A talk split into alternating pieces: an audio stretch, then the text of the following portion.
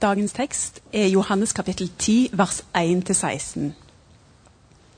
Sannelig, sannelig, jeg sier dere, den som ikke går inn til saueflokken gjennom porten, men klatrer over et annet sted, han er en tyv og en røver. Men den som kommer inn gjennom porten, er gjeter for sauene. Portvokteren åpner for ham, og sauene hører stemmen hans. Han kaller sine egne sauer ved navn og fører dem ut. Og når han har fått ut alle sine, går han foran dem, og sauene følger ham, for de kjenner stemmen hans. Men en fremmed følger de ikke.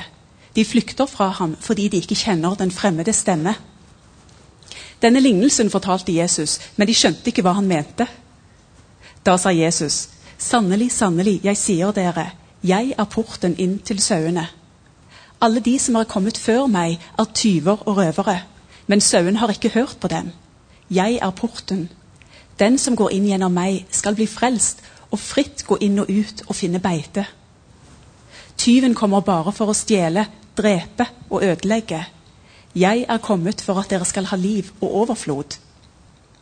Jeg er den gode gjeteren. Den gode gjeteren gir livet sitt for sauene. Men den som er leiekar og ikke gjeter, og som selv ikke eier sauene, han forlater dem og flykter når han ser ulven komme, og ulven kaster seg over dem og sprer flokken. For han er bare leiekar og har ingen omsorg for sauene. Jeg er den gode gjeteren. Jeg kjenner mine, og mine kjenner meg, slik som far kjenner meg, og jeg kjenner far. Jeg gir livet mitt for sauene. Jeg har også andre sauer som ikke hører til denne flokken. Også dem må jeg lede. De skal høre min stemme, og det skal bli én flokk og én gjeter. Slik lyder Herrens ord. Vi har nettopp feiret at uh, ordet ble menneske. Og når vi feiret at ordet ble menneske, så høres det litt sånn fint ut, men han ble ikke bare menneske, han ble en liten baby. En sprell, levende baby. Ordet det ble tilgjengelig, nært og forståelig.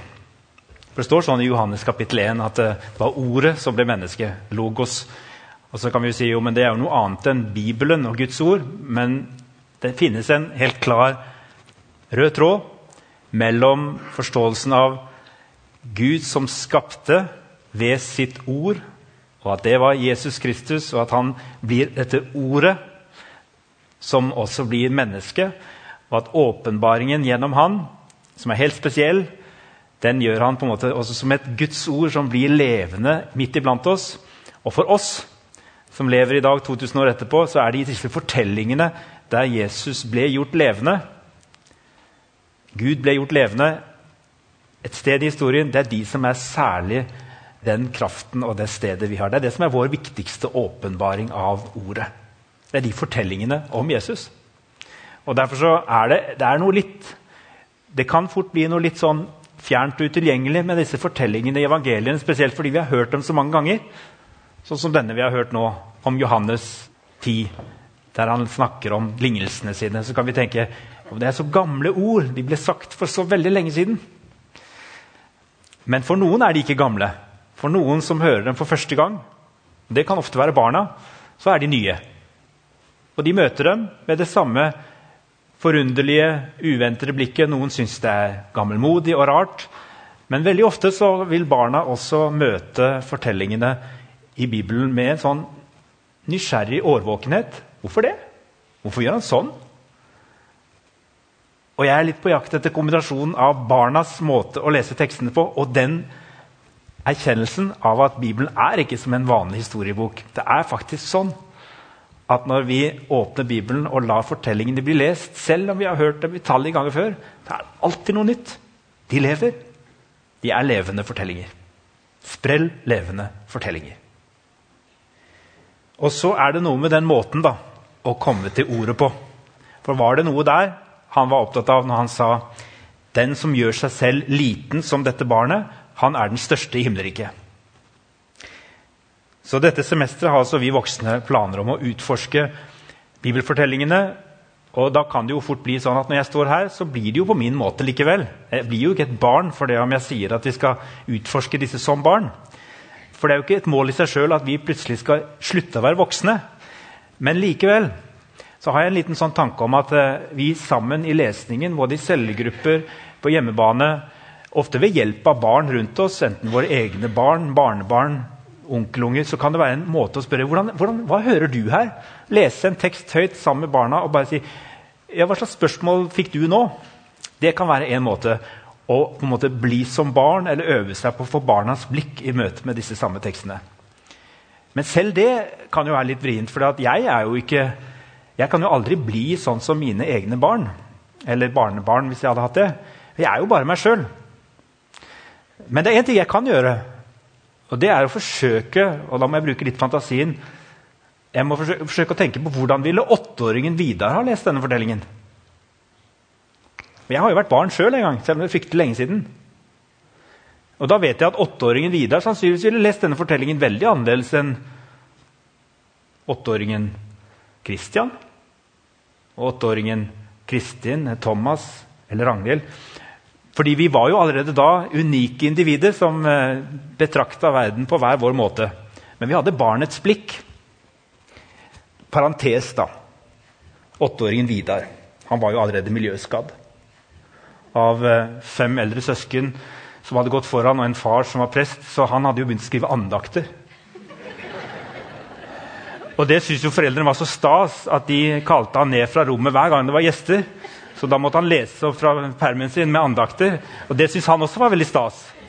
Så Vidar han var jo allerede den han var som åtteåring. Uhelbredelig. Så sånn er det jo sånn Når jeg skal prøve å drømme om hvordan jeg var når jeg var åtte år, så, så blir det jo fortsatt meg. da. Da var det en i bryllupet vårt som, eh, som mamma hun fortalte om dette med stor stolthet i bryllupstalen. Men så var det en annen skrekkslagen venn som sa til sidemannen sin jeg hadde blitt livredd hvis jeg hadde fått en sånn unge.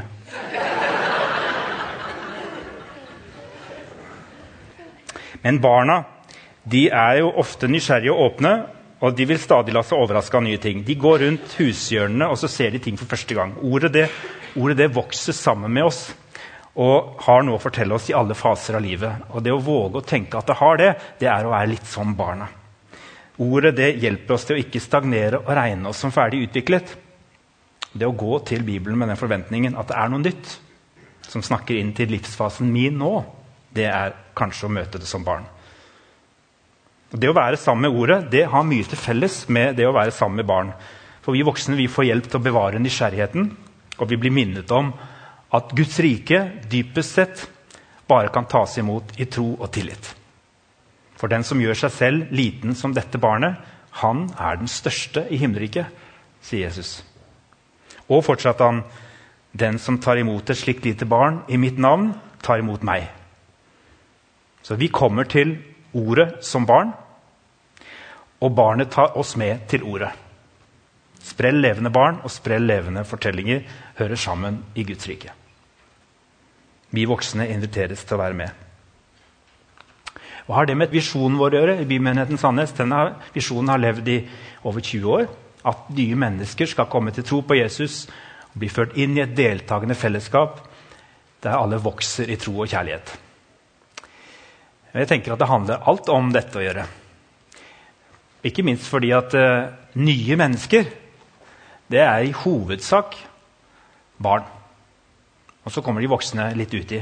Men hvis vi virkelig skal drive misjon og få nye med oss, så er det mest effektivt å satse på de som er under 15 år. For det er da de tar stilling til Jesus, de aller, aller fleste. Det som ikke er gjort før de er 15 år, det blir krevende. Det betyr ikke at de andre er uviktige, at vi voksne ikke skal bruke tid på hverandre. Og noen av oss syns dette er litt slitsomt, fordi vi syns ikke det er så lett å snakke med barn. Da lurer vi på hva er vår tjeneste, vi som på en måte bare trives best sammen med voksne og føler at vi har vår tjeneste der. Så hør meg på rett måte. Det er viktig og det er fantastisk å høre vitnesbyrd om mennesker som kommer til tro i voksen alder. Radikal omvendelse skjer fortsatt. Det er mulig. Det er jo bl.a. det vi tror og håper på gjennom Alfa. Og cellegruppene, husgruppene, fellesskapene. At vi kan noen ganger være så åpne og tilgjengelige at nye mennesker finner på å slenge seg sammen med oss når vi inviterer dem. Det har jeg tro på. Men skal vi tenke strategisk, så setter vi størst kraft inn før de er 15 år. Og Derfor så tenker jeg at når visjonen er at nye mennesker skal komme til tro, så er det veldig mye av begrunnelsen for at vi satser ganske mye på barn og ungdom i bymenigheten. Hvilket forhold har du til visjoner? Det kan lett bli litt sånn store ord, floskler. Jeg syns eh, Sofie Braut sa det litt uh, interessant i en sånn liten Facebook-oppdatering til sine venner. Jeg vet ikke om det kom noen andre steder, men Hun skrev en sånn liten betraktning om nyttårsforsett. Og Hun hadde litt sånn blanda tanker om visjoner i organisasjoner. og sånn, synes hun fort kunne bli litt voldsomme. Men nyttårsforsett det synes hun var greit. For det det er litt mer sånn uformelt og nedpå. Og så sa hun at det må være en grunn til at hoppuka, den eh, tysk-østerrikske hoppuka alltid går rundt nyttår. For hun følte at dette å, å, starte på det nye året det hadde veldig mye med å slippe seg utfor hoppkanten. Og så ser hun at veldig mange legger veldig vekt på nedslaget. Men hun syntes det var viktigst med satsen. Jeg vil noe! Jeg har lyst til at dette semesteret skal se litt annerledes ut. Jeg har lyst til å gjøre litt for at denne... Og så, og så tar vi et lite sånn valg om ok, men det har jeg lyst til nå. Det har jeg lyst til å være litt mitt fokus. Ja, så detter vi på, på bakken, og så noen ganger så skader vi oss til og med i nedslaget. Men tilløpet er viktig. Vi får en mulighet til å starte litt på nytt. Også i det åndelige livet, i våre relasjoner, i familier, i jobb nyttårsforsett har litt med visjoner å gjøre. Denne her er veldig luftig, og noen kan si ah, det skjer jo ikke. Nye mennesker kommer ikke til tro. Jo, men vi, sier det på nytt og på nytt. Og så tar vi sats. Så dette semesteret skal vi se noen nye mennesker i fellesskapet vårt. Og at nye skal få lyst til å være med, og de skal til og med kjenne seg sett og inkludert. Og ikke bare forsvinne videre fordi de kjente at dette, ble, dette var ikke noe for meg. Tenk om vi kan oppleve det! Og så får det bli så som så med nedslaget. Men nå er vi der i håpet og forventningen. Barn er like forskjellige seg imellom som vi voksne er. De er skapt forskjellige, og derfor så sier jeg at vi skal først og fremst øve oss på å være oss selv som barn. Sjansen er ganske stor for at noe har skjedd med deg underveis fra du var barn. Mye av det kalles modning og vekst og er helt nødvendig i et åndelig liv. Noe av det kan være å i økende grad ta ansvar for eget liv søker kontroll over det som ikke lar seg kontrollere. Noen ganger kan det bikke over. Vi tar større ansvar for vårt eget liv enn det egentlig Jesus ba oss om.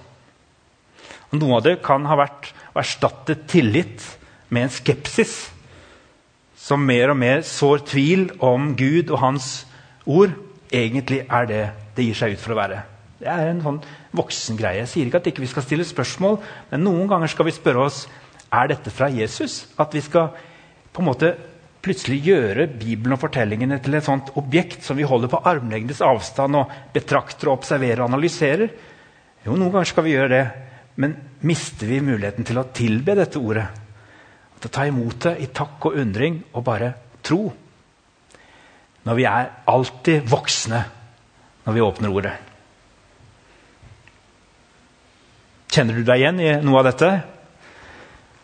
Kan det være et av nyttårsforsettene å gå til Bibelen med en litt sånn barnlig forventning.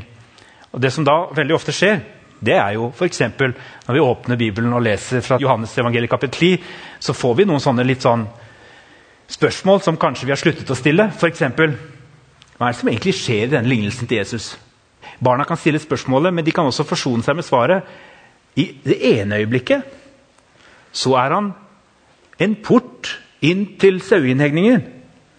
I neste øyeblikket så er han gjeteren som skal gå gjennom den porten. Det er jo sånn som vi voksne fort kan stoppe opp og si ja, nei, det er det ikke noe god forklaring på. Men hvis vi bare forklarer barna våre det at jo, det, er helt riktig det.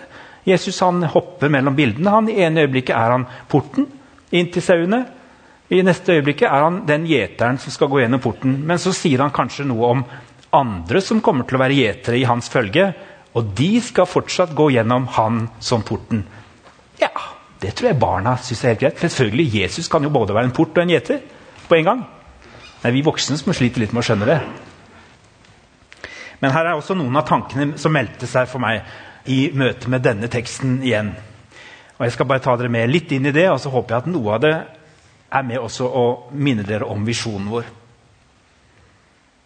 Tilbake til eh, teksten som vi hørte lest. Sannelig, sannelig, jeg sier dere, den som ikke går inn til saueflokken gjennom porten, men klatrer over et annet sted, han er en tyv og en røver. Men den som kommer inn gjennom porten, er gjeter for sauene. Portvokteren åpner for ham, og sauene hører stemmen hans. Han kaller sine egne sauer ved navn og fører dem ut. Og når han har fått ut alle sine, går han foran dem, og sauene følger ham, for de kjenner stemmen hans. Jeg er porten inn til sauene. Alle de som er kommet før meg, er tyver og røvere. Men sauene har ikke hørt på dem. Jeg er porten. Den som går inn gjennom meg, skal bli frelst og fritt gå inn og ut og finne beite. Tyven kommer bare for å stjele, drepe og ødelegge. Jeg er kommet for at dere skal ha liv og overflod. Og Så begynner han å snakke om at jeg er den gode gjeteren. Den gode gjeteren gir livet sitt for sauene.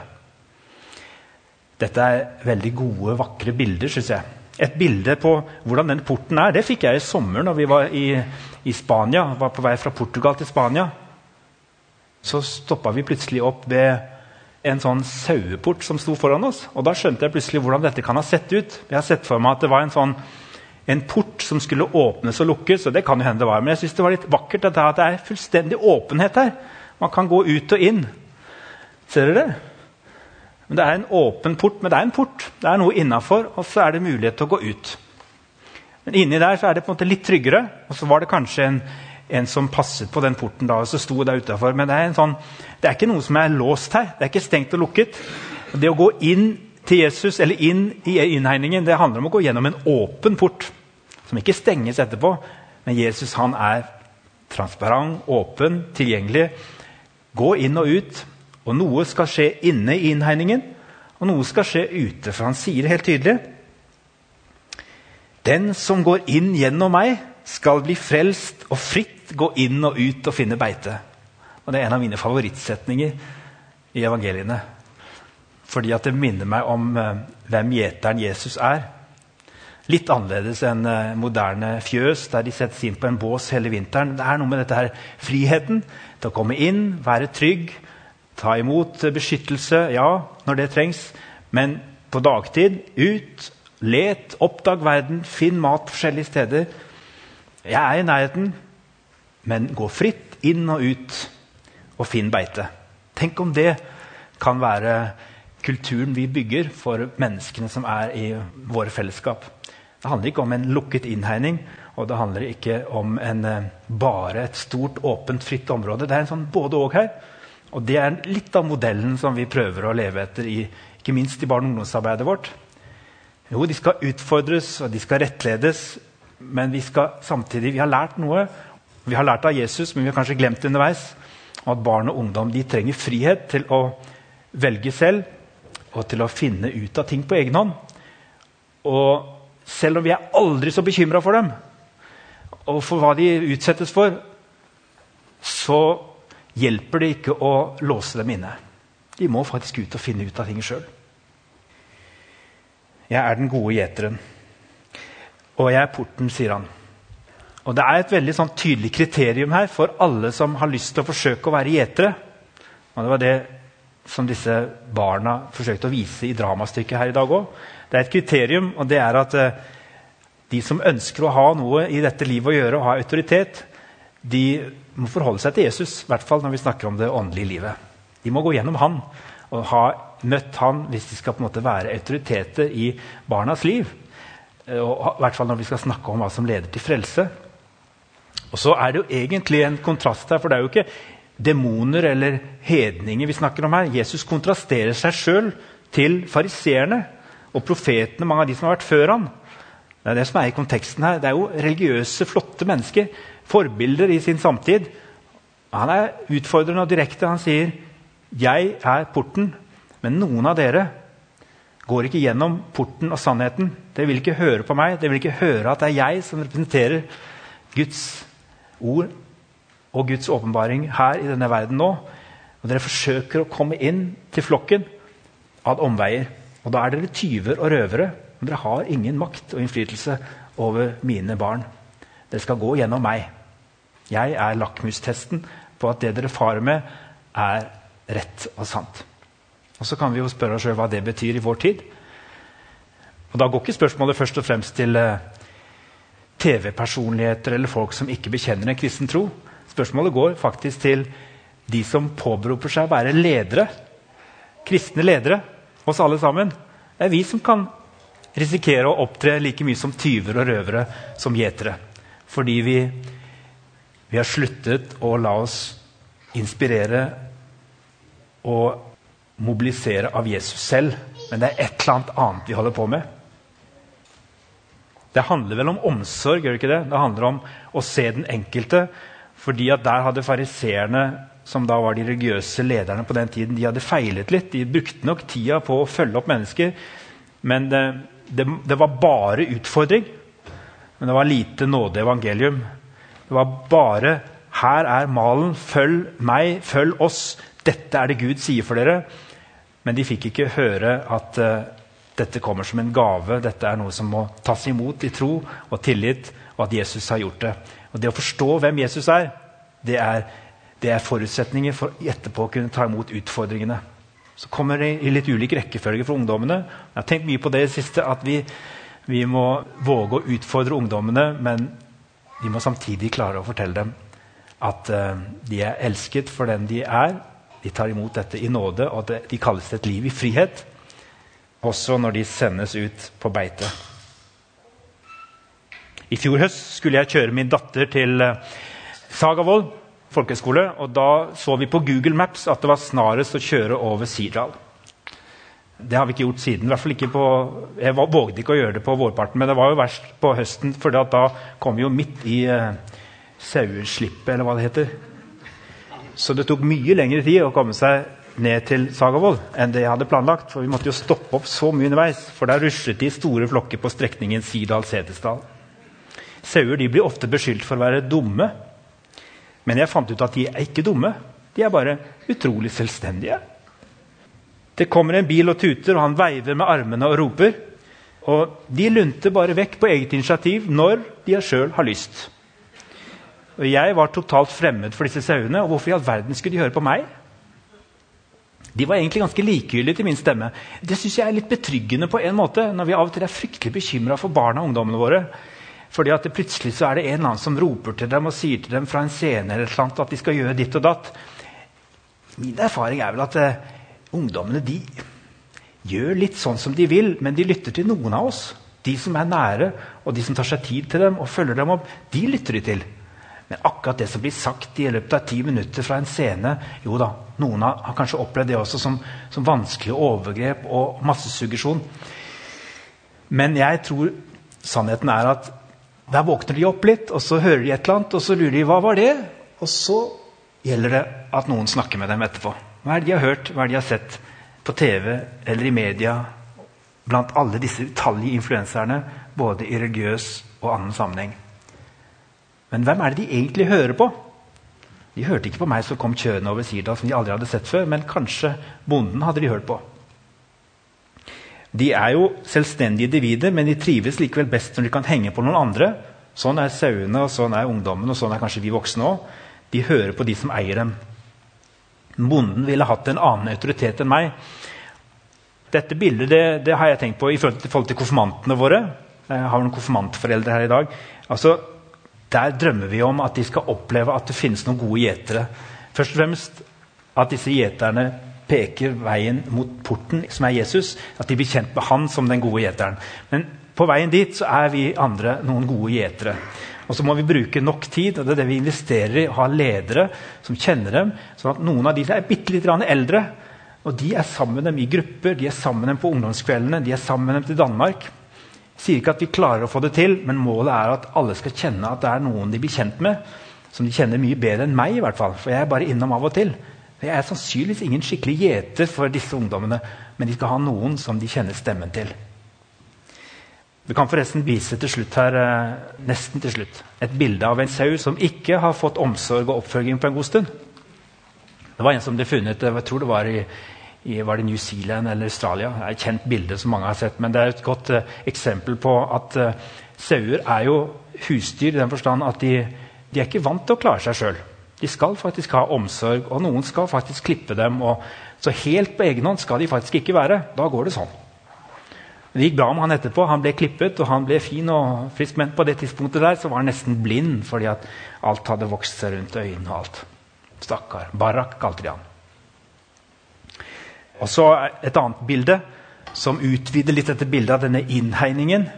Og Det er jo dette som Alan Hirsch, en kjent eh, teolog og forfatter og misjonsmann, kom med her i Norge for noen år siden. da Han sa at eh, i Australia så har vi ikke sånne innhegninger, men vi har brønner. Så sauene de springer fritt rundt på et svært område. Men det er ikke vanskelig å samle dem, for vi vet at de kommer til brønnene. Og der vet vi at de er. og Kanskje er det fordi det ikke var så veldig mye ville dyr. hva vet jeg, Men hans poeng var sørg for å ha godt vann i brønnen. Da kommer sauene. Det er også litt av målet vårt at det ikke er så fryktelig farlig om de går her hos oss, eller om de går på Ebenezer, eller om de vokser opp et annet sted, så lenge de har gode brønner og rent kildevann. Der det er sunt og godt, der vil ungdommene trekke til, forhåpentligvis. Og så må vi være der litt og fortelle dem om de kildene som er urene. Det er ikke så farlig om det ikke er i vår brønn de alltid drikker, så lenge de har funnet en brønn der hvor det er vann å hente. I Sandnes er vi heldige og har mange brønner. Og likevel så klarer vi ikke å være finmasket nok og treffe alle som vokser opp. Så misjonsutfordringen er enorm. Fordi vi enda trenger flere sånne steder som passer akkurat for, for de som vi har rundt oss. Å ha gjeteren som forbilde, det har jeg. Lenge så tenkte jeg at jeg er en typisk gjeter. Jeg er til og med pastor, og det, jo, det betyr jo hyrde. Og så har jeg skjønt etter hvert at eh, ja, det er ikke sikkert det er jeg som er flinkest på å være hyrde og gjeter. Og nå driver vi og skriver en bok. og Den kommer i april. Jeg og et par andre, inspirert av mange også folk i salen her, men Den skal handle om fem forskjellige utrustninger som dere har hørt om, og som Efeserne 4 snakker om. Og En av de er den utrustningen å være hyrde eller gjeter. Og da har vi en, sånn, en liten prøvesmak. Det er en sånn liten jeg-fortelling her. Og så kan noen si jo, men det, det må kunne gå an å være gjeter og hyrde uten å passe helt inn i det. Men det er en liten sånn Vi tror det er ganske nærme det Jesus hadde tenkt når han snakket både om seg selv for Han er forbilde for alle ulike forskjellige lederutrustninger. Jeg tror også det er forbilde for de av dere som kjenner at jo, men det er kanskje litt meg. For min erfaring er at det er relativt mange av dere som er hyrder og gjetere. Høy prosent av eh, forsamlingen er det. Og Derfor er det ikke sikkert at det er jeg som er det. Og Stikkordet er jo at man ikke nødvendigvis har så fryktelig mange, men man har et enormt ansvar for de man har. Og de er såpass få at man kan klare å være en gjeter for dem, og at stemmen er kjent. Og Derfor så sier vi litt i en sånn jeg-fortelling her. Så se om dere kjenner dere igjen dette her. Å skynde seg langsomt, der har du meg. Dels handler dette om at jeg ønsker å forstå mine arbeidsoppgaver fullt og helt før jeg begynner med dem. Og dels handler det om ikke å miste noen på veien. Jeg har ikke noe behov for å stikke meg fram eller prakke mine overbevisninger på andre. Det jeg derimot føler et behov for, er å forsikre meg om at vi ikke mister blikket for det som skjer her og nå. Jeg er fullt klar over at det er mange oppgaver som må løses. Men samtidig er det mennesker involvert i dette som må bli tatt vare på. Hvis mine avgjørelser går utover andre på en negativ måte, smerter det meg. Jeg vil ikke si at jeg vil gjøre alle til lags, men jeg gjør mitt ytterste for at de jeg forholder meg til i hverdagen, skal bli hørt. Paradoksalt nok er jeg kanskje ikke så flink selv til å si hva jeg mener i ulike sammenhenger. Det handler ikke om at jeg ikke har veloverveide argumenter i diskusjonen eller ikke har reflektert over veien videre.